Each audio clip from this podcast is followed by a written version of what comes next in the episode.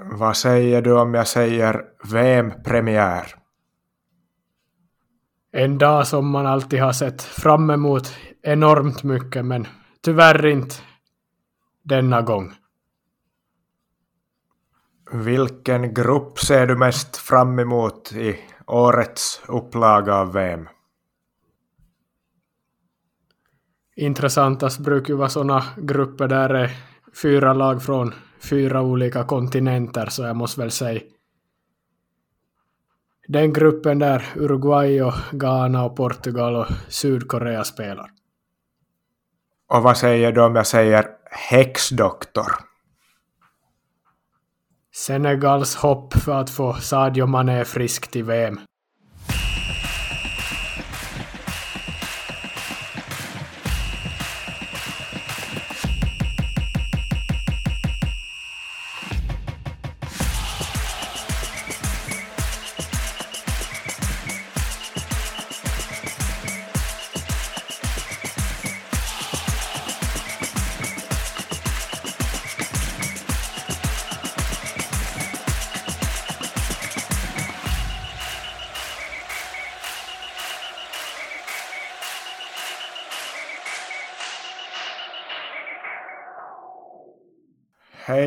Och varmt välkomna till ett nytt avsnitt. Och det blir väl vårt sista avsnitt här nu på några veckor.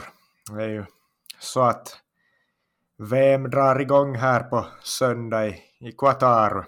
Qatar ska väl ta emot Ecuador då på söndag kväll så vi är inne i en VM-vecka och VM kommer det här avsnittet handla om också.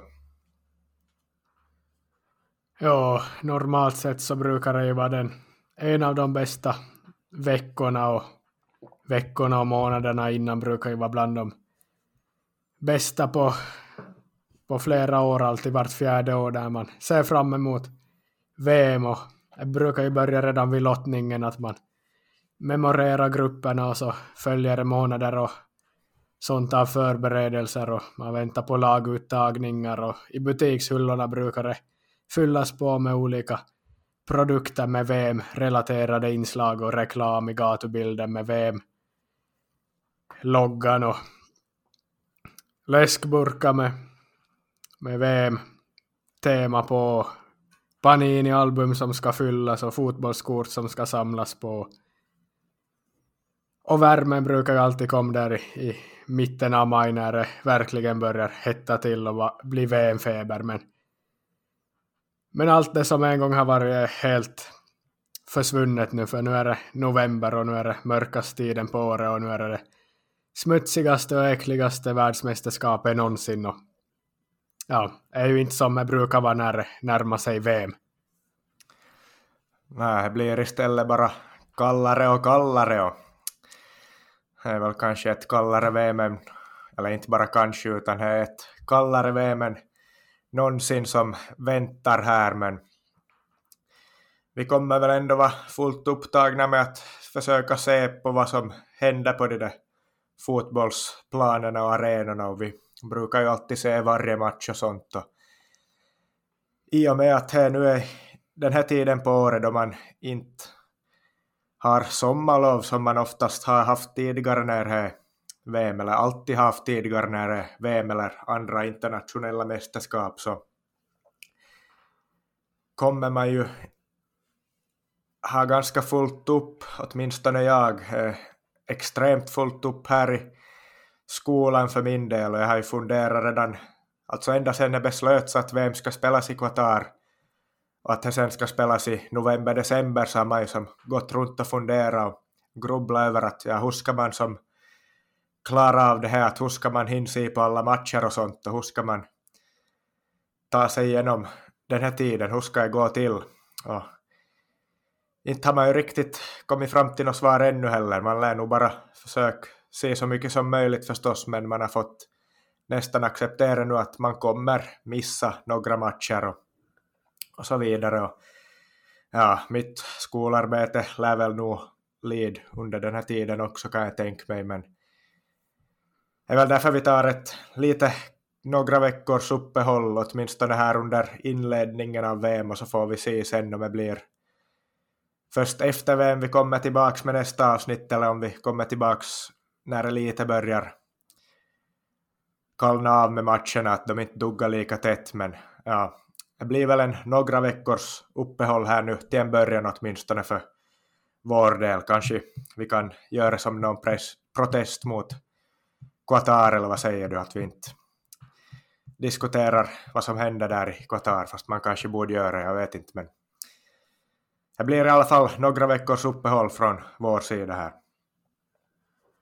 Och protest hit och protest dit och bojkott och en massa sånt. Det är många som håller på med det och visst borde man kanske bojkotta det och, och så, men ja, vi är ju mot, såklart mot Qatar och pissigaste VM genom alla tider, men det känns som att om, om man bojkottar så hänger man inte riktigt med va? hur diskussionerna går när andra pratar om matchen, andra som inte har bojkottat och så därför så kommer nog i alla fall jag att kolla på, på alla matcher även om det är smutsigt. Och, ja, eh, TV, TV-bolagen har redan köpt rättigheterna så är ju essens oavsett så är, känns inte som att man kan göra så stor skillnad genom att bojkott framför TVn. Nej, jag funderar ganska länge på det jag också, att skulle man borde bojkott det här mästerskapet helt och hållet eller, eller så, men sist och slutligen så spelar det väl inte så stor roll om, om vi bojkottar inte. Vad, vad hjälper det när, som du säger, TV-kanalen har redan köpt rättigheterna och Yle har köpt rättigheterna här i Finland så de är ju redan betalda och Yle har redan betalat Qatar för, för de pengarna så ja, det hjälper inte så mycket att att vi bojkottar då inte då pengarna redan har betalats dit. Och, och sen vill man ju ändå på något sätt uppleva det här mästerskapet så man kan sen säga att man ändå var med och uppleva all skit, allt lidande som ändå är medför sig med det här Qatar, så man vill ju ändå kunna säga sen efteråt att ja, man minns det här och återberätta kanske för framtida generationer och se till att det aldrig återupprepa sig att VM hamnar i ett sånt här land. Så äh, det blir ingen bojkott och ja, ändå ändå pissar man ju förstås på, på allt, ja, på hela landet Qatar egentligen och förstås är ju fotbolls-VM är väl det största och finaste som finns nästan i ens medvetande och är ju så är, som hemskt att det har kidnappats av Qataren, en så fin sak, en så fin turnering, så fin händelse i livet. Och det är ju dessutom sista VM som spelas med 32 lag med nuvarande format som man tycker att det, eller jag åtminstone tycker ju att det är ultimata och det som jag har vuxit upp med hela tiden, att det är 32 lag med åtta fyra lagsgrupper då, åttondelsfinaler och så går det vidare. Och, ja, det är ju sista VM vi får uppleva på det sättet då, men det blir vintertid och i Qatar. Så ja, det är nog som bara hemskt hela, hela alltihop. Ja, man visste ju om det 2010 när man först drog fram lappen där det stod att Ryssland fick VM 18 och sen får Qatar 22. Men för varje år som gick så kommer ju mer och mer bevis på att allt var korrupt och pengar har betalats och till fel fickor och, och man har ju visst om det hela tiden men är nog först på de senaste par tre, fyra åren och allra senaste året som är på riktigt har börjat protesteras från olika håll och man skulle ju hoppats att de här protesterna och ställningstagandena skulle ha kommit tidigare så jag skulle ha kunnat stoppas. Jag hade ju förhoppningar om att Australien skulle få mästerskapet. Jag har ju aldrig varit i Oceanien ett mästerskap på här sidan. Men så blev det ju inte. Och nu senaste året har ju inte gått en dag utan att det kommer nya avslöjanden och uppgifter om, om all skit som har pågått och fortfarande pågår. Två veckor före VM så säger Sepp Blatter som var president när VM tilldelades Qatar. Så då säger han att det var det var ett misstag och det passar ju nu när han har avtjänat sin fängelsedom och så, men att man aldrig kunna göra någonting är ju så, för alla är ju emot det. 99 procent av världens fotbollssupportrar, i alla fall om man kollar ur en europeisk synvinkel är vi väl ännu mer emot det än i andra världsdelar, men att inte supportrarna kan göra något är, är väl en sak, men vem, vem är det som ska ha gjort något? Det är ju som fotbollsförbunden i varje land, och, eller i varje, ja, varje land, men, och spelarna, men inte, inte har hänt någonting och, och de ska från, från högre håll är de uppmanade att vara tysta och bara fokusera på fotboll och så, så är ju det är för sent att stoppa nu och är tragiskt att det sker, men det kommer väl aldrig ske igen och är ju bra att att vi i Finland har Tim Sparv, gamla lagkaptenen, som, som talar från spelarhåll om även om han nu såklart är före detta spelare och är lättare att tala när, när han inte spelar något mer och då inte Finland är med i VM. Men, men det skulle båda vara mera som, som håller en sån diskussion som han har, han har hållit gentemot Qatar.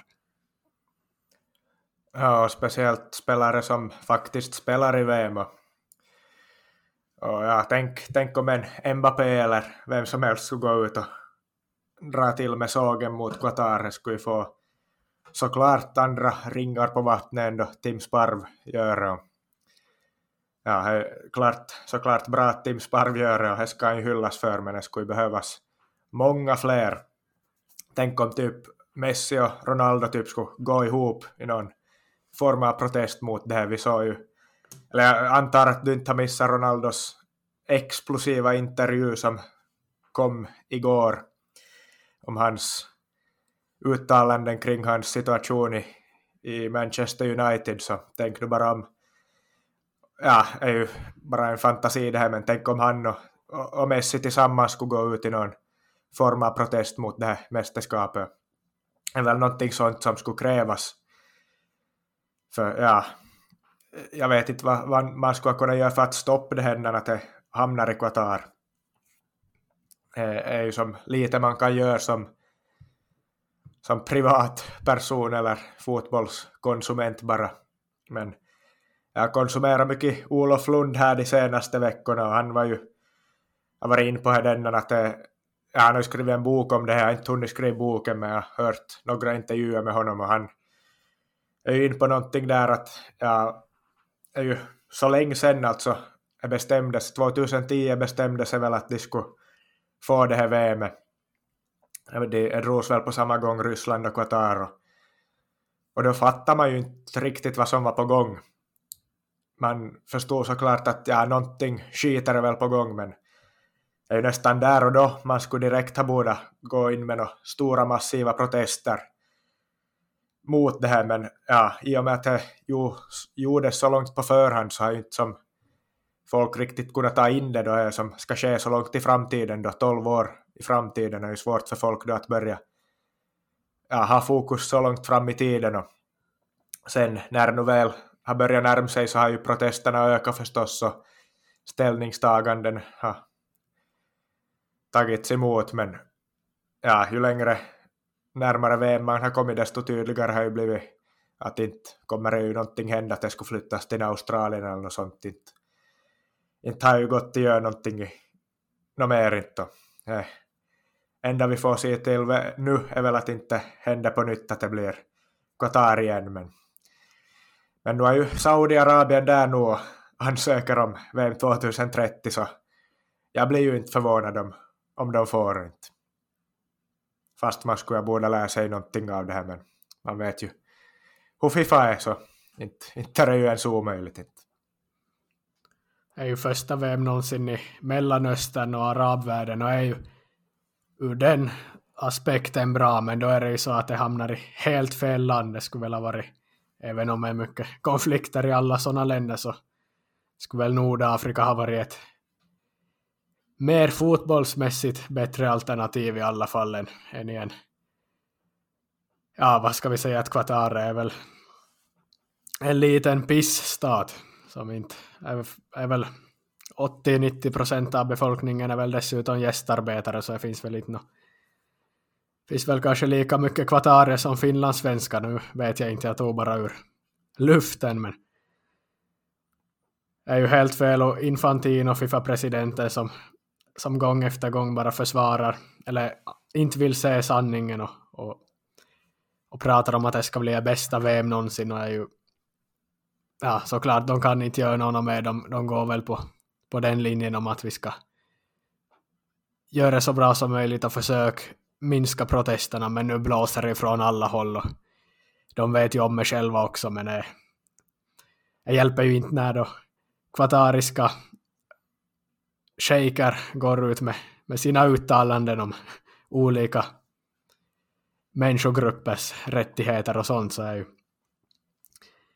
helt huvudlöst och nu när det börjar närma sig på riktigt en vecka före så kommer ju igår, eller i helgen här någon gång kommer filmer om att fansen har börjat vallfärda till Qatar och, och då har vi ju inte ja, de fansen ni tänker som vallfärdar till VM supporterinvasioner utan är betalda grupper av indier och folk från Bangladesh och sådana länder som är köpta av Qatar för att kom dit och heja på olika länder. Vi hade de klipp jag såg var ju från argentinska, brasilianska, portugisiska och engelska Qatar-fans, men de är inte från de länderna utan de är från, från Indien, som jag förstod främst, så, sådana som har fått betalt för att komma till, till Qatar och stod på de där tröjorna Bra, Brasil-fans Qatar eller någonting sånt. Och man ser ju att de ser inte så brasilianska ut och är även om man alltid visste att det är smutsigaste VM så nu, nu börjar jag nog vara som på sån nivå så är det vad som värsta man någonsin har sett. Alltså, det är så pinsamt så brutalt vedervärdigt så är, det finns inte. Såklart kommer det åka fans från hela världen dit ändå, riktiga fans som, som ändå kommer för dit fast det, man inte borde. Men, men på plats finns även från de stora fotbollsländerna i alla fall en massa fake fans. Ja, det var ju flera länder som hade... Ja, vissa länder hade väl fått betalt. Alltså, det var ju några holländare hade ju fått betalt, riktiga holländare då för att fara dit och, och skriva positiva saker om Fifa och VM och Qatar på sociala medier. Och, och sen var det det här du pratade om då, att det fanns de här som de hyr in då från Bangladesh och Indien för att fara dit och låtsas hej på Brasilien och Portugal och alla möjliga storländer var ju där i någon film. Ja. Så sätter de på de här tröjorna då. Alla får exakt likadana gula Brasilien-tröjor där det står då Brasil, fans, Qatar eller någonting sånt då. Det ser ju, ser ju som bara sjukt ut och, och dumt och med ja, men som med alla pengar de har så skulle de väl åtminstone kunna ha betalat lite olika tröjor åt de så att de inte alla går med exakt samma tröjor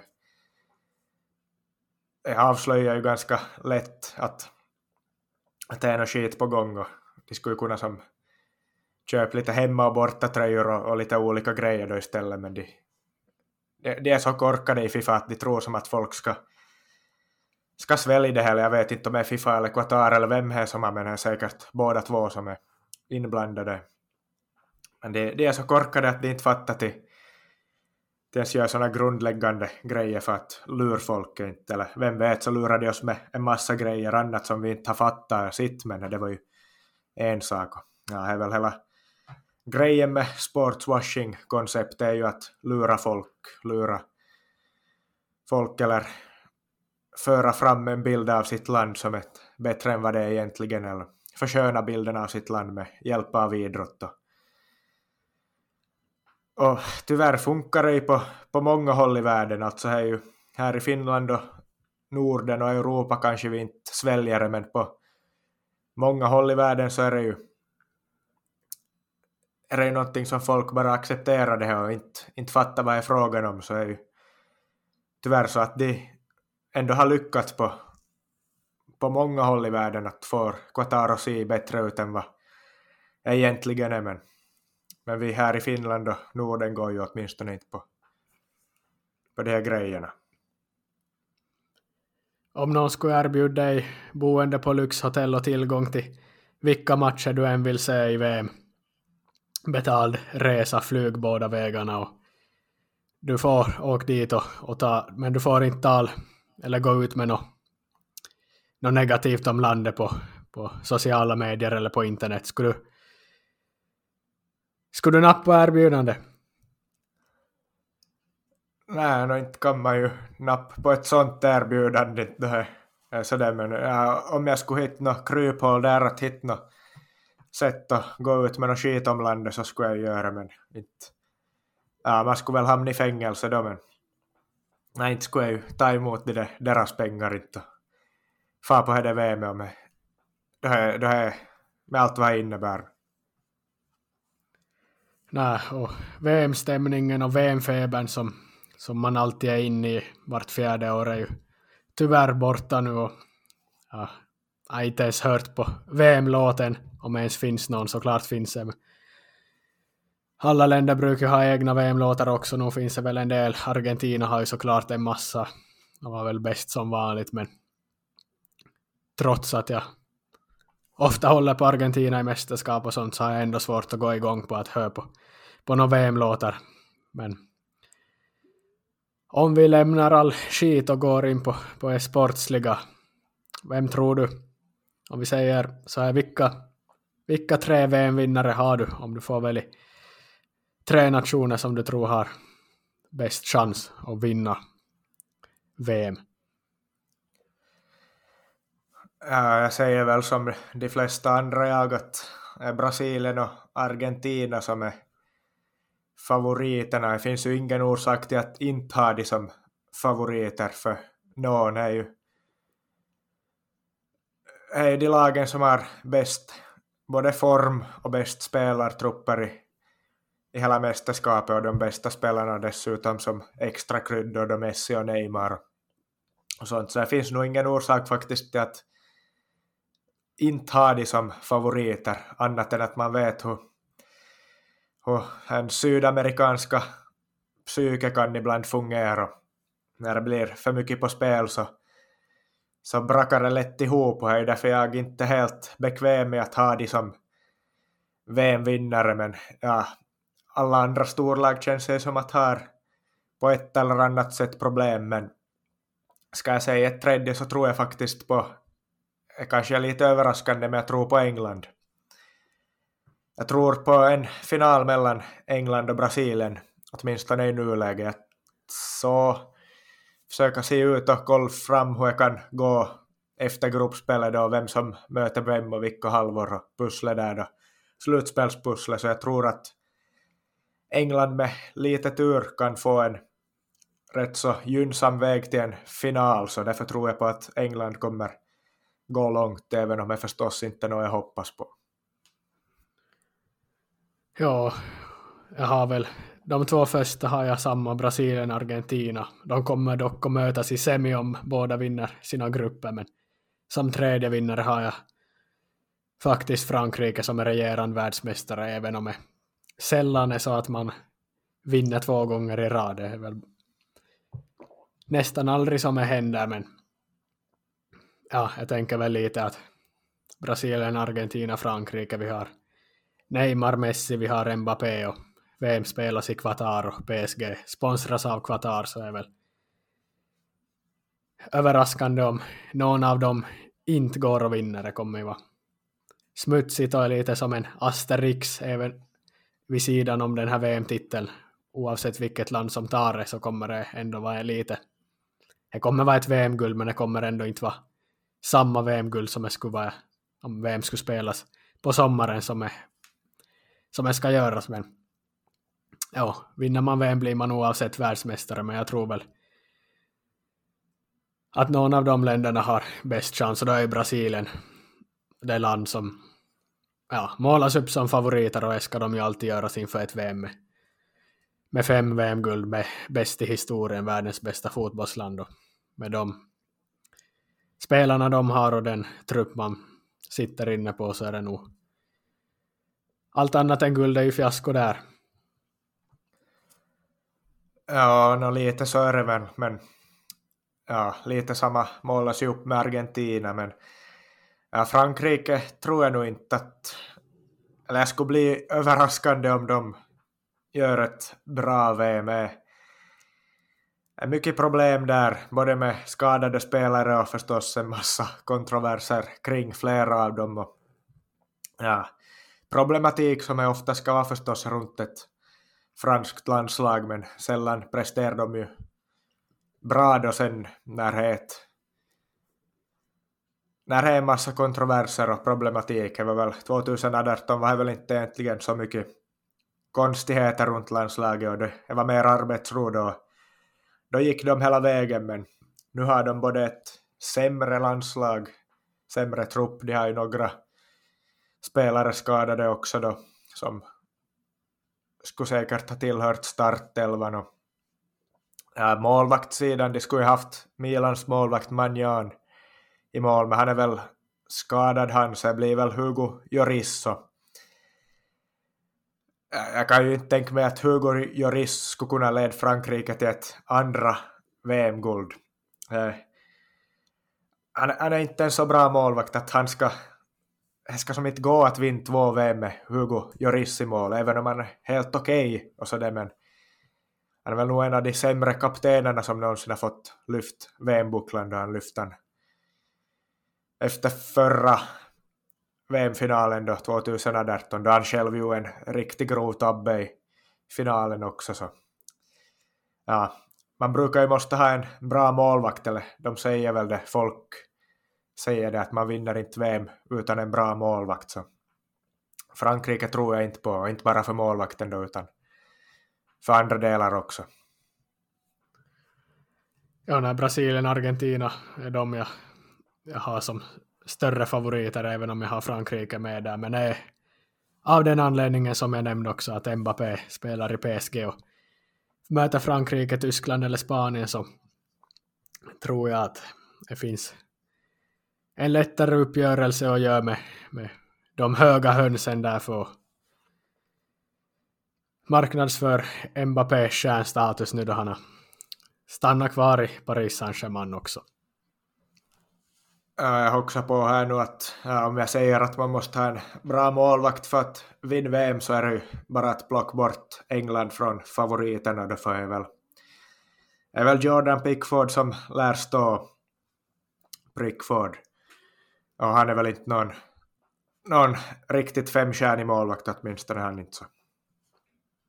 Nej, och det här är ju också första VM någonsin under vår livstid, under Leo Messis livsstil som Maradona inte längre finns på denna jord. Han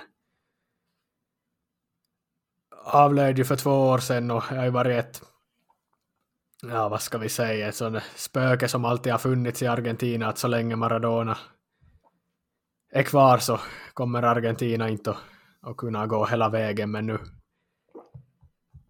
nu är ju inte han längre kvar så då kan det ju faktiskt finnas den symboliken att att Argentina faktiskt kan gå hela vägen. Det är många som, som hävdar och tror på den myten, eller vad vi ska säga, den symboliken. Och vi får väl se om det, om det går nu och det skulle vara för Argentina, för Messi, hans sista VM skulle vara en optimal avslutning på en fin landslagskarriär om man skulle få lyft VM-pokalen för att hylla den största av dem alla i i argentinsk och, och världsfotbollen.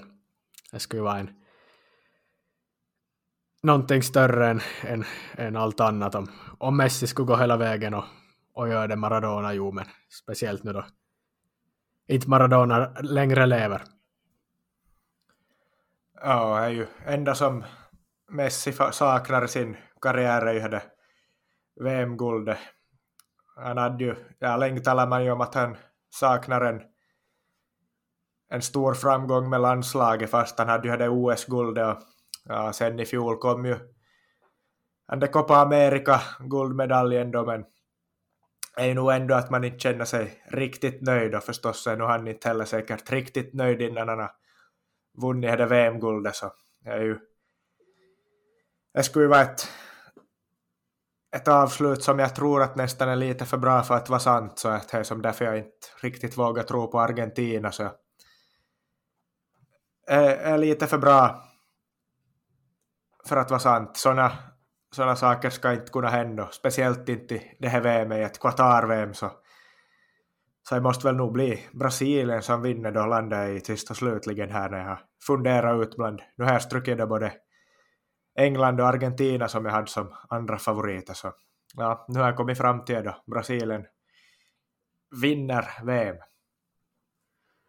Ja, och Argentina är ju ett landslag som jag alltid håller på. Även de andra sydamerikanska landslagen, Uruguay också. Är, jag, jag gillar dem på något sätt. Passion och äkta fotboll och äkta känslor är inte no. Är fotboll på liv och död och, och det gillar vi ju, men är ju de landslagen jag följer mest. Och överraskningar är alltid någonting jag hoppas på. Afrikanska landslag har jag lätt att tycka om också. Och så, men ja, vem, vem hoppas du, vem håller du tummarna för i VM då? Äh, jag skulle snabbt här bara vill slänga in en, en till kandidat till VM-guldet som jag tror på, är kanske inte alla som gör det, men jag säger Tyskland. Tyskland kommer gå långt i det här mästerskapet och ska väl inte vara förvånad om de till och med vinner hela, hela grejen eller går riktigt långt. Det är lite samma situation som med damernas EM som spelades i, i sommar. Att det känns som att många andra lag börjar ha gått om Tyskland och Tyskland är inne i något, lite har varit inne i en sämre period men nu är de lite på uppgång igen och börjar få ordning på saker och ting men att andra lag fortfarande känns bättre. Men därför tror jag starkt på att det, Tyskland kommer göra ett bra VM men ja, vem vem håller jag på i VM? Jag vet inte om jag håller på någon alls i det här VM. Man har ju som inte alls hunnit fundera på det här VM egentligen. Sista serieomgången spelades nu, så man har ju bara haft klubblagsfotbolls fokus fram tills idag i princip. Men ja, vem, när du kollar snabbt så den där grupp H-gruppen ser ju, ser ju intressant ut. Jag har ju Ghana, Portugal, Sydkorea, Uruguay där och där hittar jag nog två lag som jag gärna ser att göra bra ifrån sig. Jag är ju Ghana och Uruguay. Ghana är man ju lite spänd på. De floppar ju riktigt rejält i Afghan i, i vintras. Känns som en evighet sen. Men då floppade ju riktigt ordentligt och det har ju varit några kaotiska år inom ghananska fotbollsförbundet och sånt och deras landslag har nog varit lite ner och vänt på botten men nu ska det bli intressant att se vad de har att komma med. Jag tror ju inte ändå att de går vidare och gruppen förstås men det skulle vara kul om de, de kan överraska det blir ju kul förstås med Ghana-Uruguay där möte som är ett av mina favoritmöten, kanske min favoritmatch genom alla tider i VM. Åtminstone av de matcher som jag har sett under min livstid, 2010 kvartsfinalen. De flesta vet väl vilka jag pratar om då. Suarez räddade med hand på mållinjen och Jan missade straffen och, och Uruguay vann på straffar därefter så ja, Ghana är väl ett lag jag ser fram emot och sen är jag lite spänd på det här Ecuador också. De verkar ju faktiskt ha någonting intressant på gång. Jo, ett bra kval. Och lär ska vara riktigt positivt inställda inför det här VM. Ja, det blir... Jag tror det blir en jämnare grupp än man kanske tror på förhand. Den där A-gruppen är väl Holland, Qatar och Senegal och Ecuador då. Många tänker kanske att det är Senegal och Holland som kommer gå vidare hyfsat enkelt ur, ur den gruppen, men Ecuador har väl någonting på gång och Senegal är förstås bra regerande Afghanmästare och, och sen har vi Qatar där då som värdland och eh, eh ska man ju inte underskatta deras förmåga eller deras, ska vi säga, uppbackning i form av hemmanationsstatus här så eh, det kan bli en riktig fight om den där andra platsen i gruppen bakom Holland där. Ja, det är ju alltid, intressant att se på gruppen och måla upp slutspelsträdet framför sig och fundera på olika scenarion och så. Som jag sa, jag hoppas ju ofta på lite överraskningar och att, att det skulle bli någon skräll är ju aldrig så att, att VM vinns av en överraskning. Nästan aldrig i alla fall. är ju, Kroatien var ju i final senast men förlorar ju ändå. Men ofta är det ju också så att man blir besviken, man har sina sympatier och sen så kommer glädje döda Tyskland och, och krossar ens förhoppningar och, och så. Ja, den här gången är det väl sak samma vem som vinner. Ingen av oss har sagt Belgien heller, de trodde jag ju på inför förra EM, men nu är de inte alls lika upptalade, men då skulle jag väl kanske kunna gå ännu bättre för dem, även om de fick brons senast. Men Lukaku är ju tillbaks från skada nu och passar väl bra med tajmingen, men annars har det ju varit mycket snack överlag om alla skador, alla som, som missar eller går en kamp mot klockan eller som kommer att vara ur spel är ju så tajt schema och och med VM på den här årstiden så är det ju helt förståeligt att det är många spelare som missar. Det ju mer spelare än någonsin som är av, av en starkare karaktär som är bort från VM. Vi har ju hur många som helst känns det som. Som du sa där i inledningen så har ju Senegal försökt få, få Sadio Mané frisk med hjälp av någon häxdoktor och det var väl något liknande som som man har läst om förr var Falcao 2014 eller om det var någon annan man tänker på när det var något, man skulle hitta något natur, naturens krafter som skulle få någon. Då Neymar också fick Sunigas knä i ryggen i, i kvarten mot Colombia 2014, då var jag väl, Jag var ju som, han var ju nära att bli förlamad helt, men då var ändå någon mirakelman som på något sätt skulle kunna få en frisk om fyra dagar. Ja, jag hade tänkt vi skulle kunna diskutera lite vad du minns av häxdoktorer inför eller i samband med VM och du tog ju några bra exempel där. Drogba tror jag tog hjälp av någon häxdoktor och var inför antingen 2010 eller 2014 med någon skada eller någonting men men det finns ju också vissa häxdoktorer som har jobbat i, i motsatt riktning med att försök skada motståndarnas spelare eller kastbesvärjelser eller sådana grejer på, på motståndarna. I 2014 läste jag om att det var ju Ghana mot Portugal också i, i samma grupp och det var en häxdoktor i Ghana som påstod sig ha orsakat en skada på Ronaldo som ingen läkare i hela världen skulle kunna lösa eftersom att det var en andlig skada. Så ibland känner han den i vaden, ibland i knä, ibland i låret. Och ja, han var ju lite halvskadad där inför, inför det VM och det var ju för att inte han skulle göra skada mot Ghana som den här häxdoktorn drog fram här och, och matchen slutade väl 0-0 dessutom så han lyckades ju. Sen läste jag om en annan också 2006 Trinidad och Tobago var med i i VM som du säkert minns. Så det var inför deras match mot England och så hade de samlats en hel grupp tror jag av häxdoktorer och gjort någon ritual, slagit någon besvärjelse mot, mot hela engelska folket tror jag var.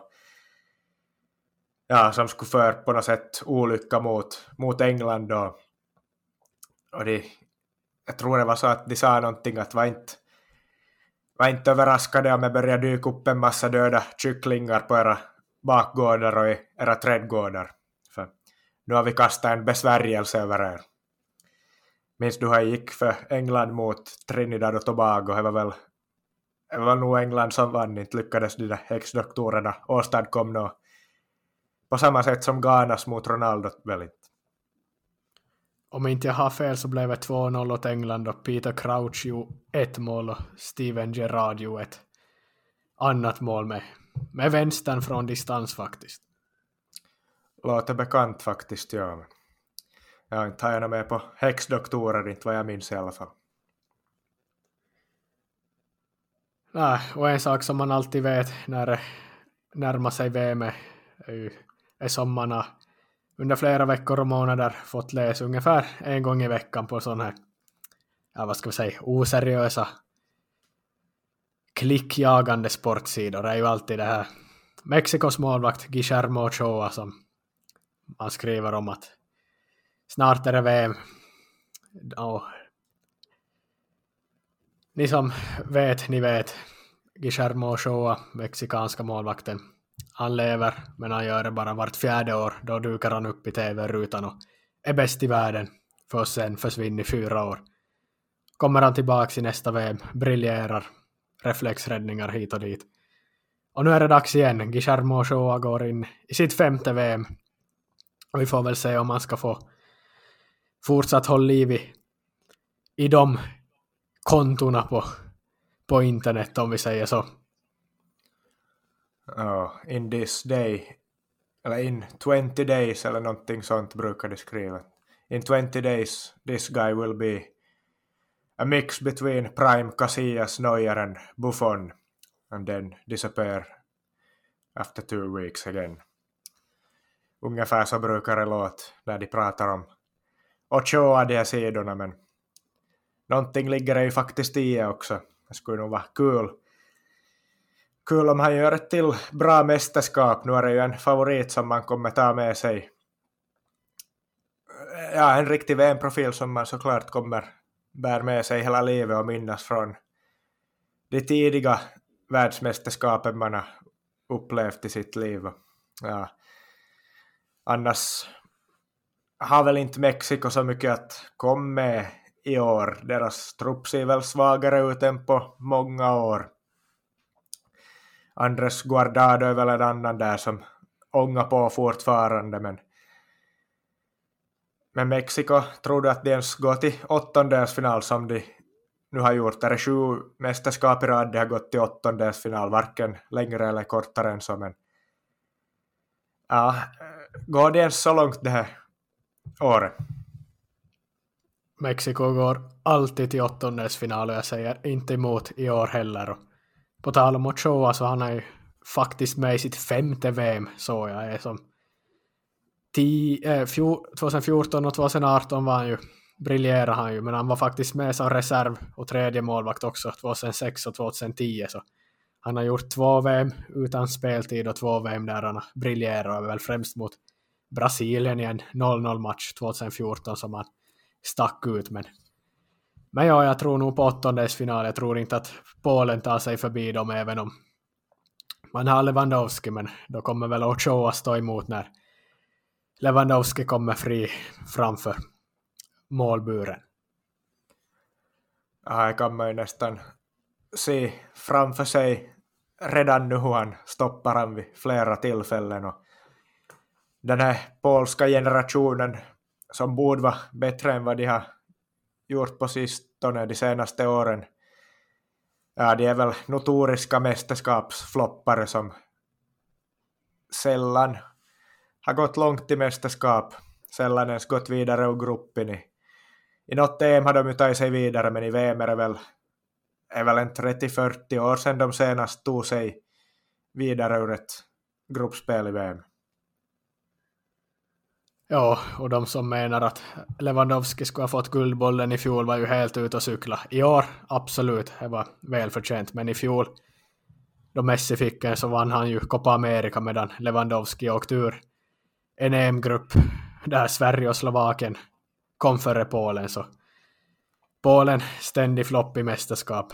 2016 gick man väl till kvart, men annars har man nog inte imponerat under den här generationen då jag började med hemma-EM 2012 då man inte heller gick vidare ur gruppen. Ja, trött och tråkigt att vi ska behöva ha dem i, i VM också. Som det, ja, ett av de länder man minst ser fram emot i det här VM.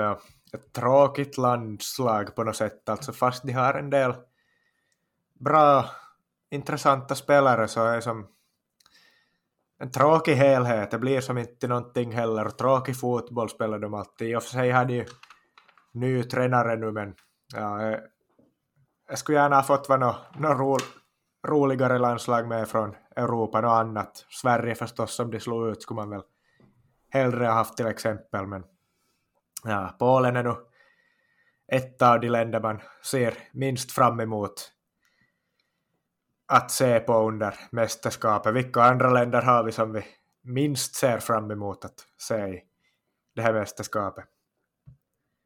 Ja, jag brukar ju alltid svara Schweiz på den, men Schweiz har ju blivit lite mer roligt om vi jämför med 2006 och 2008 där och nu har de väl lite mer, är väl de här utländskt födda spelarna eller de som har utländskt påbrå som har gjort att de har blivit lite mer roliga med de här albanska inslagen men Ecuador brukar jag ju annars tycka som det tråkigaste laget att ha med från Sydamerika men i år, ja, nu, jag bryr mig inte lika mycket i år.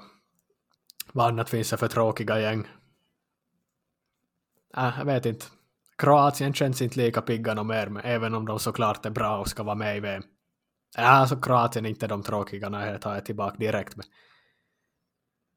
Ja, Tunisien vill väl många håll som tråkigt, men där går jag väl nästan mot och tycker att ju tråkigare det blir desto roligare.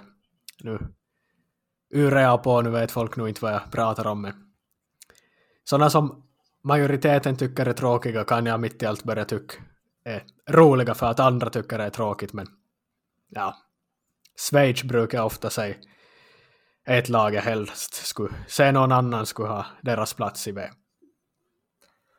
Ja, jag tänkte säga att Tunisien är säkert kanske det land i VM som folk tycker att det allra tråkigast att det är med, men är lite in på samma spår att när alla tycker att det är tråkigt och de spelar tråkigt och de är tråkiga spelare och allt, så då blir det som nästan roligt.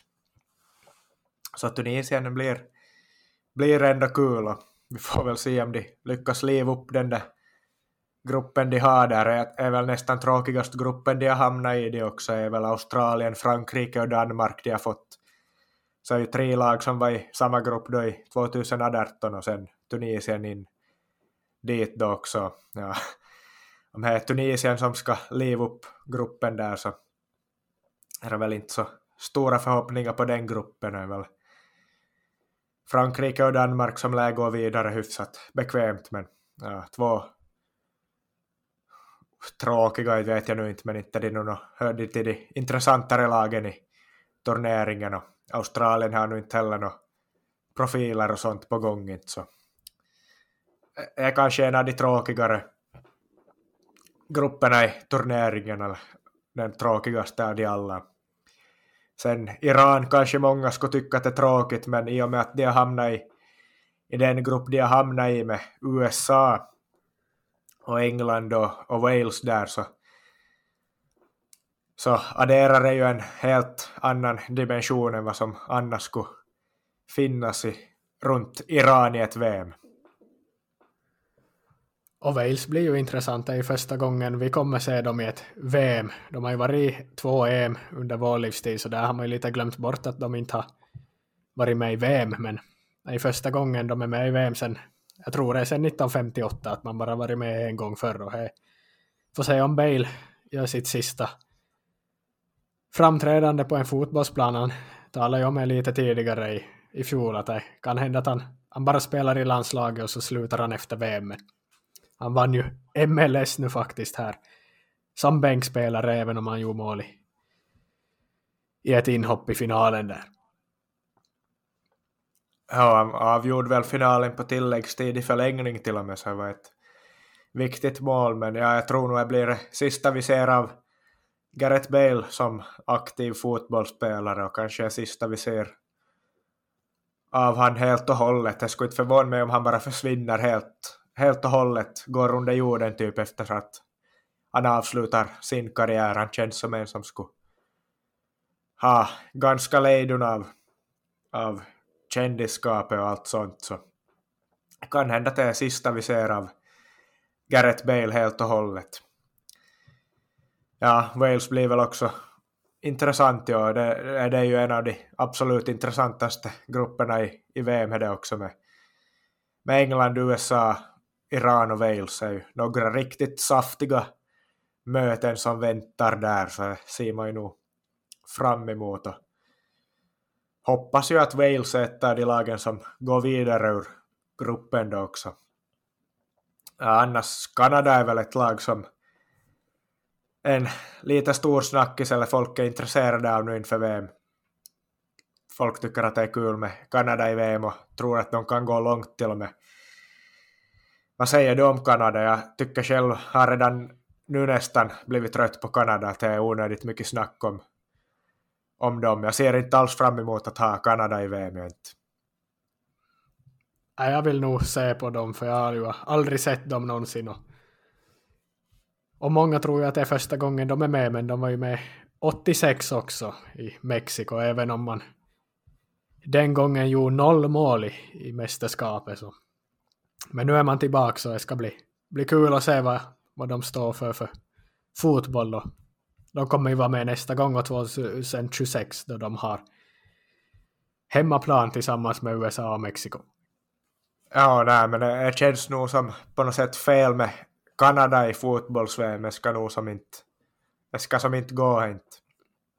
Men ja, vi gjorde ju ett avsnitt med Jere Sträng här senast som spelade i forward Madison den här säsongen på lån i amerikanska tredje ligan. Och Kanada har ju faktiskt en före detta forward Madison-spelare med uttagen i VM-truppen. Dane St. Clair eller någonting sånt heter han. Han är målvakt, jag vet inte om han är första målvakt eller vad som är tänkt. 25 år gammal, har gjort två landskamper ser jag här. Så vi får ju se då om han står i, i mål eller vem som står. Ja, om jag minns rätt har de väl en riktigt gammal målvakt som spelar i långbyxor. Så kanske är han som står istället, men vi har åtminstone en forward Madison-spelare med i, eller en före detta forward Madison-spelare med i, i en, en av VM-trupperna, så det är ju ändå kul. Ja, men vi har båda förberett lite olika VM-quiz här i det här specialavsnittet, VM-specialaren. Så jag tänkte vi skulle dra igång med dem och nu vet jag inte vad du har tagit ut för quiz så jag hoppas att inte du har tagit någonting inom samma ämnen och kategorier som mig men vi kan väl göra så att jag börjar med mina frågor eller quiz åt dig så får du dra ditt sen. Ja, det låter väl bra. Det är bara att sätta igång. Vi börjar med en enkel kort fråga. Hur många debutnationer, alltså debutanter som aldrig har varit med förr, är med i detta VM? Hur många är med för första gången alltså?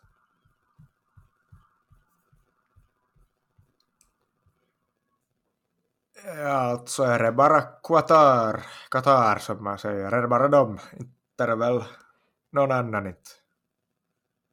Jo, nej, nog bara dem och de skulle aldrig vara här om inte de heller skulle ha betalat till sig platsen, men vi går vidare på temat om asiatiska länder som Qatar är då. Hur många asiatiska länder har deltagit i VM genom tiderna? Och då räknar vi inte med Qatar nu, utan tidigare. Och Australien har ju bytt konferens från Oceanien till Asien, så de har jag också tagit bort även de, om de nu för tiden räknas. Så jag vill att du gissar på ett antal. Du kan ju tänk, tänk högt på vilka länder som har varit med. Förstår du frågan? Ja, jag förstår då, så är väl bara att rada upp Japan, Sydkorea, Nordkorea, Saudiarabien, vi har Iran, vi har Irak, vi har Kuwait, vi har Kina, Indien har de varit med, de var ju, ja, alltså de vägrar ju vara med för att de inte fick spela barfota, sägs det ju, på 50-talet, men hade ju varit med någon gång före dess då. Äh, chansa på Nej. Ska vi se vem annat skulle kunna... Känns som att jag glömmer någon, men jag kommer faktiskt inte på någon, någon till. Jag kan säga så här att det är elva nationer från Asien utöver de som jag sa att inte vi räknar Kvatanu och Australien så elva nationer och du har tagit åtta och då kan jag ge som ledtråd, du har ju tre till då. Ett av länderna spelar nu för tiden i europeiska kvalsystemet och de var med i asiatiska kvalet när de kom med till VM 1970. Och så har vi ett annat som var med 1990 och så har vi ännu det land som var med först av alla från Asien någonsin 1938. Jag räknar Sovjet som att de skulle varit som asi asiatiskt lag.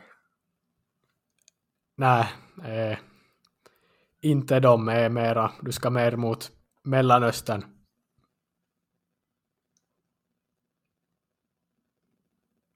Israel har väl spelat VM? 1970 var Israel med, helt rätt. Och då har vi två till. Första som var med och sen 90.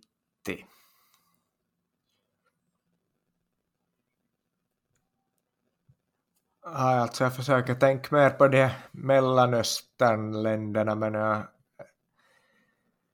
jag hamnar bara till jag återkommer bara, återvänder hela tiden bara till shejken som kom in från Kuwait in på plan och dömde bort ett mål eller så till att ett av Frankrikes mål dömdes bort. Så på 82 var det väl men äh, jag kommer inte på någon, någon mer här hur mycket jag än funderar. Ja, och då ska vi ju säga att vi har klippt bort all betänketid som, som går åt här så inte ni lyssnare ska behöva sitta och vänta på våra svar på frågorna, men jag ger dig svaren här då är Förenade Aram, Arabemiraten 1990 var man med. Och det första laget från Asien som var med 1938 var ju Indonesien som på den tiden hette Dutch East Indien. Indis.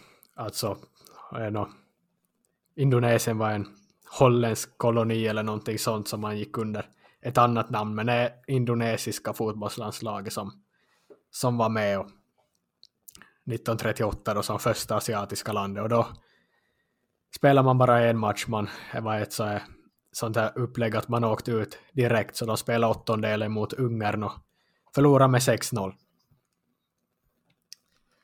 Ja, Indonesien skulle jag nog inte ha tagit. UAE vet jag inte varför inte jag kom på faktiskt. Jag tänkte ju på dem när jag tänkte på Mellanöstern, men jag tänkte av någon anledning att de inte har varit med. Men ja, har du några fakta om hur jag gick för dem där i VM 90 då?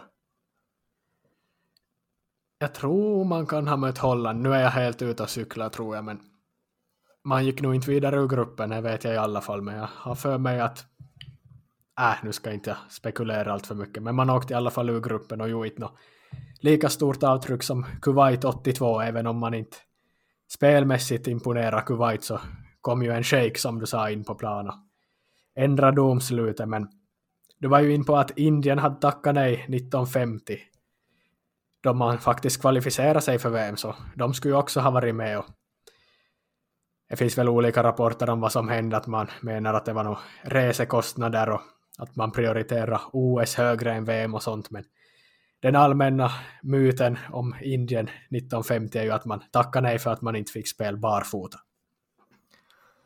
Ja, man kollar ju aldrig en bra story så vi håller fast vid, vid att de spelar barfota. Men shejken från Kuwait 82 är ju inte bara en myt, det går ju för vem som helst att klicka fram på Youtube om man vill se och ta del av det. Och eh, rekommenderar jag också att ni går in och gör för mäktiga VM-scener, ett mäktigt ögonblick i, i VM-historien.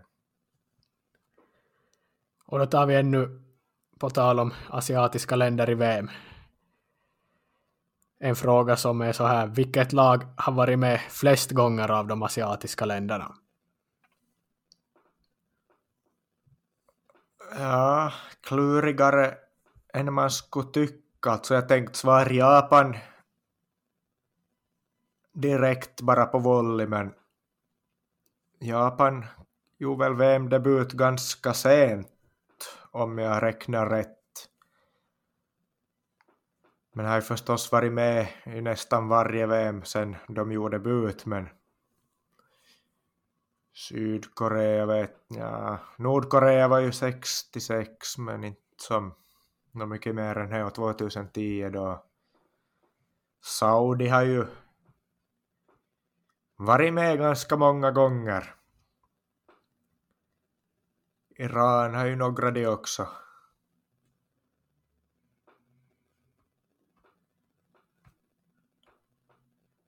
Äh, jag tycker mig någon gång ha läst kanske att det är Saudiarabien faktiskt, så jag, jag säger Saudi. Saudi debuterade faktiskt 94 om inte jag har fel och Japan faktiskt först 98.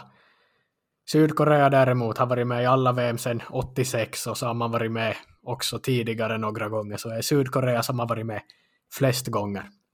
Och sen då Sydkorea gör sitt elfte VM och Japan gör sitt sjunde bara eftersom man debuterar 98. Och så har vi Iran och Saudi sen på delad tredje plats och sen ja, Nordkorea har varit två gånger och övriga bara en gång var. Uh, lite rätt spår var jag ju in på där, men underskatta Sydkoreas fotbolls-VM-historia tydligen. Och det klassiska radioreferatet på, i svensk radio som Sven Jerring drog med japaner, japaner, japaner då Sverige förlorade mot Japan i en fotbollsmatch. Det var ju OS-fotbollen på 30-talet någon gång. Så det var ju inte i fotbolls-VM utan det var i OS och därav Japan. Ifall någon tänkte att Japan hade varit med då så var ju i OS och Japans första VM var faktiskt 98. Ja, vad är färdigt med quizet ditt där då eller har du något mer ännu delfrågor? Ja, vet du vem som har kommit längst av de asiatiska länderna då? Jag vet du väl? Ja, Sydkorea då de blev fjärde på hemmaplan med hjälp av både det ena och det andra kanske främst domarna. Jepp, och jag har nog fortsättningsvis flera ytterligare quiz här. Vi ska röra oss till Sydamerika nu och första gången på, ja nu vet jag inte hur länge men det känns som jättelänge som är bara fyra länder med från Sydamerika eftersom Peru föll i interkontinentala kvalet mot Australien i playoff där så har vi ju bara Argentina, Brasilien, Uruguay och Ecuador med då. Ja, men min fråga blir utöver vinnarna som har vunnit VM, Brasilien, Argentina, Uruguay som alla har vunnit någon gång. Vilket sydamerikanskt landslag har varit med flest gånger utöver dem? Känns ju som att det är hyfsat jämnt där då man plockar bort de där tre. Chile är ju ett alternativ. Colombia är ju ett annat. Paraguay förstås. Eventuellt Peru också, men Jag står mellan Colombia och Chile skulle jag säga. Jag väljer Colombia. Ingen av dem är med i år. Nej, jag ändrar, jag ändrar till Chile. Och det gör du helt rätt i, för Chile har varit med nio gånger och sen har vi Paraguay åtta gånger, Colombia bara sex gånger och, och så vidare. Men Chile de har ju, även om man missar både 94 och 90 och sen också 2002 och 2006 så har man ju ändå varit värdnation till exempel 62 och varit med fjärde mest gånger av alla sydamerikanska länder bakom de tre VM-guldvinnande länderna. Ja, men kanske är skönt att vi slipper dem i år då. Vi har ju haft dem med i många mästerskap och har sett det gänget helt tillräckligt med Sanchez och Vidal.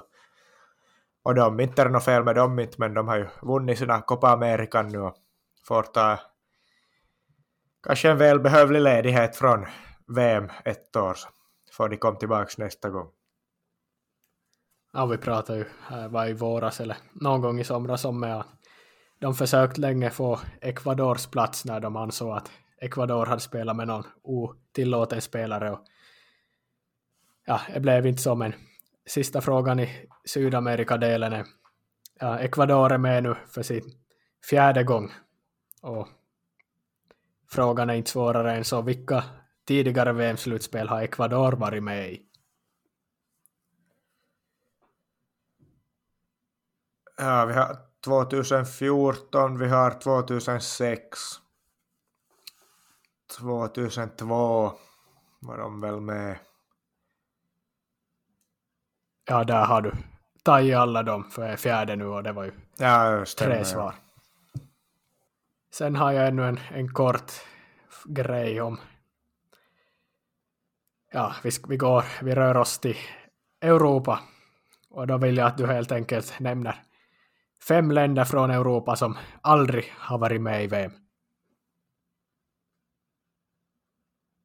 Fem länder som aldrig har varit med i VM. Nu är väl bara plocka San Marino och Liechtenstein och, och det gänget men kanske man gör lite enklare för sig själv, äh, lite svårare för mig själv. Nå, Finland tänker jag inte heller räkna med, men jag försöker nämna fem tunga, de fem tyngsta länderna som aldrig har varit med kanske. Ja, det var lite, lite det jag hade funderat ställa som fråga, men det finns ju vissa av de här länderna som har ja, gått ner sig så rejält så att de är på samma nivå som de här Liechtenstein och så. Så därför kunde jag inte heller plocka bort alla blåbärsnationer eftersom vissa av de här länderna har blivit lika dåliga, men ja, om vi om du ändå försöker att hålla dig på nivån från bottenskrapet och hålla dig ett hack högre i alla fall så kan du försöka hitta så, fem sådana länder. Ja, vi försöker höja oss till åtminstone Nations League C-divisionen, vi skippar det. Äh, men Albanien tar vi ju som en och Makedonien, Nordmakedonien, vad man räknar dem som. Kan man ju slänga in Kosovo där också förstås, men. Montenegro har ju varit med som Serbien och Montenegro. Så jag vet inte hur, hur de räknas, men. Ja, vad har vi sen som. Inte i, i Balkan om vi söker oss till andra håll? Vitryssland har ju aldrig varit med förstås inte Estland, Lettland och Litauen och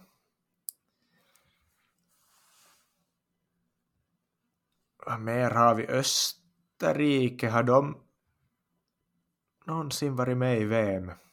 Kan hända att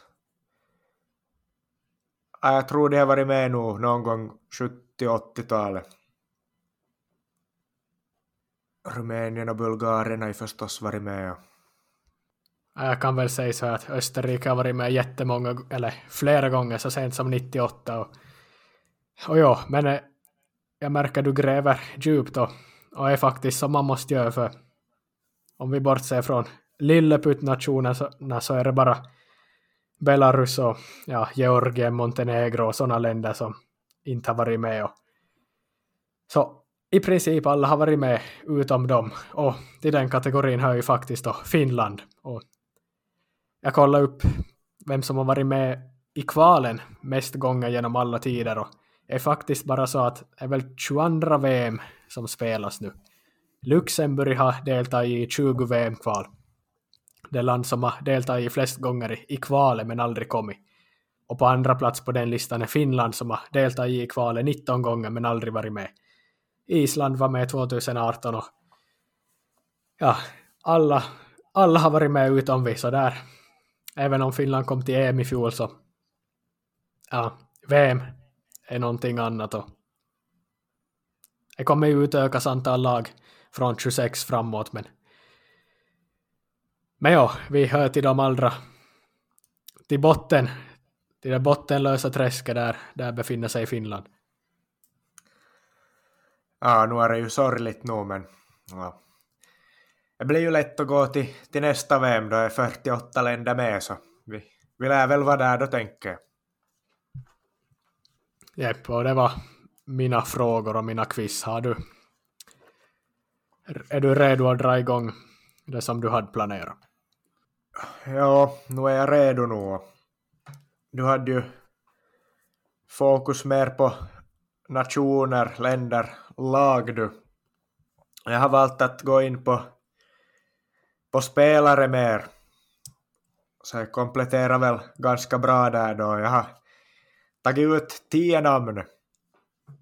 Tio gubbar som har varit med förr om man säger så här. Tio spelare som har ganska många landskamper i bagage och år på nacken och du ska helt enkelt gissa att är de fortfarande en del av landslaget? Är de uttagna till årets VM?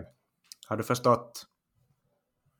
Ja, och då hoppas vi väl att alla trupper är spikade. De borde väl vara det. Jag tyckte det var någon trupp som inte var spikad när, vi, när jag senast kollade, men vi hoppas väl att alla är spikade då. Ja, jag har bara tagit ut spelare från de länder där jag har sett officiell bekräftelse faktiskt, så eller jag, det här dubbelkollade så det, det borde stämma det här. Men vi kör igång då, det räcker väl med ja och nej svar. Men första namnet är Steve Mandanda. Är han med i Frankrikes trupp eller inte? Han är inte med. Där har du fel direkt. Steve Mandanda är otroligt nog med som en av tre målvakter i Frankrikes trupp. Men jag blev nog själv också överraskad faktiskt när jag såg att han var med ännu. Ännu i år. 37 år tror jag han har hunnit bli. Sen har vi en liten favorit. Domagoj Vida. Är han med i Kroatiens trupp? Ja, ja hade inte tänkt på han på länge, men det var ju en profil senaste VM, men jag säger väl nej. Fel igen. har gått vidare, även han med i detta VM. Lär väl sitt på bänken säkert. Han och Lovren var väl mittbacksparet som tog dem långt senast, men jag tror de båda har fasats ut i bänken, men båda är med i truppen, så inte har de fasats ut helt och hållet ur landslaget. Men ja, två fel har du hittills då. Tredje namnet, Mehdi Benatia, Benatia eller hur man nu säger. Är han med i Marockos trupp? Han är med, jo. Och då har vi redan nu ett hattrick av fel. Benatia tackade för sig tydligen för några år sedan i, i landslagströjan, men han var väl kapten, tror jag, i VM 2018 och inte ens så gammal, 32 eller 33, så man skulle ju tro att han är med. Men tuff start på quizet för din del. Vi... Ja, jag börjar bränna sig. Får se om jag får en enda rätt idag. Ja, du har några chanser på att ta revansch. Kan rädda upp ett hyfsat betyg ännu, men vi ska till Ghana till nästa och är Andre Ayew, Andre Ajev, Andre Ayew tror jag man säger. Är han med? Han måste vi väl tro att är med också. Och där har vi ditt första rätt då. Andre Ayew är med i, i Ghanas VM-trupp ja. Vi går vidare då till namn nummer fem. Joao Moutinho. Är han med i, i Portugals trupp? Jag har för mig att Portugal kör på med alla gamlingar så jag säger ja. Ja, de kör ju på med Pepe och Ronaldo och sådana, men Joao Moutinho har lämnats ut ur truppen faktiskt. Han var med i, de tog väl ut någon sån där preliminär trupp med någon 50 spelare men ja, där var han med men från den ströks han sedan då tills 23 manna, äh, 26 manna truppen som är nu för tiden togs ut så där har du ett till fel då. Fyra av fem fel på de första fem. Skulle gälla med en stark avslutning här då om du ska få godkänt. Vi går till Wales då till nästa. Tar en gammal Liverpool-spelare, Joe Allen. Är han uttagen i truppen? Han tror jag inte med faktiskt. Och då har du återigen fel. Joe Allen är fortfarande med i Wales landslagstrupp.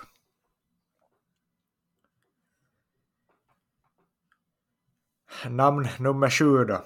Ska vi till Belgien. Jean Vertongen, Vertongen. Är han med? Han... Ja... Jo, jo. Ja, han är faktiskt med, så där har du ditt andra rätt. Man trodde att det var slut för han när han inte fick nytt kontrakt i Benfica och hamnade och flytt tillbaka till belgiska ligan, men han är nog med i truppen ändå. Då har vi tre namn kvar. Och vi ska till Spanien först. Nacho. Alltså Nacho Fernandes heter han väl i efternamn, men Nacho brukar man ju kalla honom. Det var ju tal om att det inte skulle komma många Real Madrid-spelare med, men att han skulle kunna vara en av bara två eller någonting sånt. Men, ja. Kom han med eller inte? Som ni märker har inte jag riktigt läst in mig på trupperna. De offentliga klargjorda trupperna, men jag säger nej här. Och där har du rätt. Nacho är, är inte med så vi kommer inte få se ett mål på halvvolley av honom den här gången inte. Men vad är du uppe i då? Tre rätt. Så du har ännu... Om du tar de två sista så har du ju hälften rätt då, så här får man väl ändå säga att det är godkänt. Näst sista spelaren är japan, men är han med i truppen eller inte? Eiji Kawashima. Målvakten alltså. Jag hoppades ju du skulle ta Jutun Nagatomo som är med, kanske till och med kapten, men jag tror målvakten där som du sa inte med nu. Ja, Nagatomo är med som du säger. Han hade tänkt faktiskt ta som en av dem, men jag tänkte att han har du kanske lite för bra koll på, så ska inte göra så lätt för dig. Och jag gjorde tydligen jag vet inte om jag gjorde rätt i det, men du fick i alla fall fel för Eiji Kawashima är också där otroligt nog ännu med i japanska landslaget. Han är 39 år, tror han fyller 40 ännu i år kanske. Men han är alltså med i, ja, japanska truppen. Undrar om han är ordinarie eller reserv. Skulle vara kul att se han ännu en gång. Ja, han var väl ordinarie åtminstone 2018 ännu tror jag så. Men nåja, kanske vi sänker ribban till godkänt till fyra av tio rätt. Det är ju så i skolorna. Nej, fyra är ju underkänt, så det blir underkänt oavsett. Men är Kamil Glick med i Polens trupp då? Ja, han är, han är med och är, vet jag faktiskt. Ja, det stämmer. Kamil Glick är med, så jag blev fyra av tio rätt då du donar till med en underkänning. Hur känner du efter din prestation? Nej, väl lite så, så att man inte lika förberedd. Jag brukar ju alltid för när VM-lottningen gick av stapeln så inom en halvtimme hade jag alltid under alla år alltid memorera in grupperna utan till men nu är det faktiskt så att jag ibland måste kolla upp vilka lag som är i vilka grupper och och gällande spelartrupper så såg du att jag var långt ifrån, att jag hade långt ifrån bra koll på, på vem som är med här, så man är ju faktiskt, man har inte alls fått VM-feber och, och ser inte alls fram emot vad som väntar, men sen när man väl knäpper på studiosändningarna och när nationalsångerna dundrar igång så då kanske det väcks någonting igen och om man mitt i allt dras tillbaka till, till vad allt handlar om är ju nationalsångerna före matchen som är, är mäktigaste eh, ofta men ja, just nu har inte jag VM-feber men ja, får se om man får det eller inte. Ja, nej, och med spelartrupperna så ja, man har ju kanske svårare att få något eller hittills bild sig en uppfattning om vem som har hört till vilka trupper. Det har ju varit mycket av de här större preliminära 50-manna trupperna typ som jag sa om Portugal eller vad det var men som sen skalas nedåt till 26 mannar. Men ja, i och med att det har varit klubblagsfotboll och folk har kunnat skada sig och sånt så har ju det har varit svårt att ha fokus på, på de här trupperna, vem som hör till vem. Men du har ju ungefär en vecka på dig nu att läsa in dig närmare då på vilka som är uttagna, för nu är väl alla nog officiellt uttagna trupperna hittills i alla fall. Ja, man, man lär sig för varje dag som går är ju alltid gruppspelet som är mest intressant och där hittar man alltid några egna personliga favoriter. Det kan vara någon, någon man aldrig har hört talas om förr i något av de här mindre länderna som ofta blir en, en profil som man ser fram emot att se. Och är ju så, VM handlar ju om att få se sånt som man inte ser till vardags. Vart fjärde år bara man får se vissa av de här landslagen är ju, är ju alltid speciellt och även om det är mörkt nu och så, så hoppas man väl ändå att man ska få, få några ljusglimtar.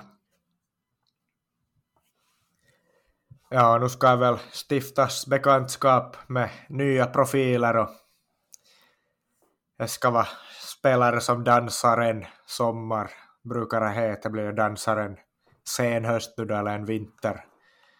Dansaren turnering, men det kommer väl skapas minnen här också som man säkert tar med sig för resten av livet som jag har gjort i alla andra VM man har upplevt, men här på köpet kommer det då en massa negativa minnen och negativa grejer som man också kommer minnas och kommer kunna återberätta till framtida generationer. Eh. Det ska som sagt aldrig glömmas bort vilket, vilken skandal det är att, att VM spelas i, i ett land som Qatar. Ja, nej, och då är VM på sommaren så är det ju alltid såklart bra, men enda ljus ljusa sidan, enda positiva nu är ju att det, att det är den mörkaste tiden på året i Finland och Norden så är ju som man har inte så mycket annat att göra nu. Och ja, på sommaren då man sitter inne och ser på matcher fast det är fint väder så är ju som kanske inte ur en hälsomässig aspekt så, så bra men ja, nu är det väl så att folk ändå sitter inne. Då är det så mörkt så då har man i alla fall någonting att göra på kvällarna. Ja, no, i och för sig så under sommaren går man ju ofta ut i, emellan matcherna eller i paus och sparkar lite på gården och rör på sig där då. Försöker återskapa det man just har sett eller leker spelarna man just har sett och, och sådana grejer så då får man ju in lite motion däremellan men nu kan man ju inte riktigt göra gör det så jag måste väl bara sitta ännu mer och jobba på mina skoluppgifter mellan matcherna så lär bli en del sittas i alla fall nu i de kommande månaderna, veckorna. Ja, ja. Men jag ska se varje sekund, det kan jag slå fast i alla fall. Ja, men vi får väl börja vara färdiga för det här VM inför VM-avsnittet här då, som sagt, det blir en paus nu på någon vecka här innan vi släpper vårt nästa avsnitt. Men vi har ju gjort som så att vi har en, en VM-tippning ni kan gå med i på resultattipset.se heter det. Där har vi en liga som det är fritt fram att gå med i. Man ska helt enkelt bara tippa matcherna och tippa vinnarna är det väl och vem som kommer till final och vem som blir turneringens spelare och någonting sånt. Men främst ska man tippa matcherna och så får man poäng då enligt hur bra man tippar. Så är ni intresserade av att gå med i en VM-tippning, sök upp vår VM-tippning på resultattipset.se, en ganska enkel hemsida att använda och vi ska väl försöka lägga länken till vår liga, inbjudningslinken med här i avsnittets beskrivning. Och så lägger vi ut den på sociala medier också så ni får chansen att gå med där via. Det är väl kul att ha någonting att göra medan vi har paus från podden så kan ni gå med i, i den här ligan. Fotbollsbrödernas VM tror jag jag döpt den till så ja, går sök upp den där då på resultattipset.se eller så använder man den här inbjudningslänken som vi lägger ut lite här och var. Gå gärna med där och tävla mot oss i, i vem som är bäst på att tippa resultaten i VM. Det eh, går smidigt att tippa just den där sidan. Ja, och är bra poängfördelning till skillnad från flera andra sådana här sidor man har gått igenom på fler, ja, tidigare för resultattipset där är det sex poäng tror jag om man har korrekt resultat. Men man får väl tre poäng om man har rätt matchutgång.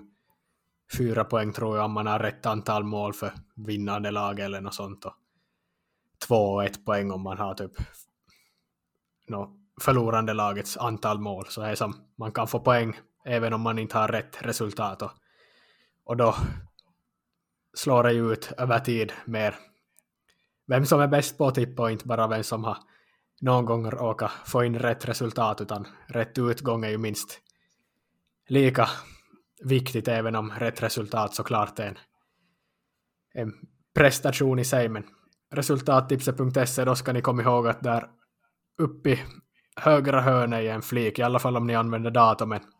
Man kommer ofta upp på automatiskt in på allsvenskan. Det finns som Premier League, Serie A, Champions League, NHL och olika sådana grejer där och jag tror allsvenskan är det här första man kommer in på men i högra fliken där uppe någonstans så ska man välja VM för att komma in på VM och då så ser du där ligor, mina ligor, kupong och ligor där kan du väl söka på ligor så söker du på fotbollsbröderna eller andra ligor du vill gå med i och så kan du se vilka ligor du är med i på mina ligor och så på kupong så tippar du matcherna och det som du har skrivit där sparas automatiskt tror jag och du kan ändra tippning fram till inför varje omgång tror jag och sen blir det inför andra gruppspelsomgången man kan tippa i något skede också och sen inför slutspelsomgångarna också. Men nu just är det väl bara öppet för första gruppspelsomgången men kom ihåg att välja VM i fliken och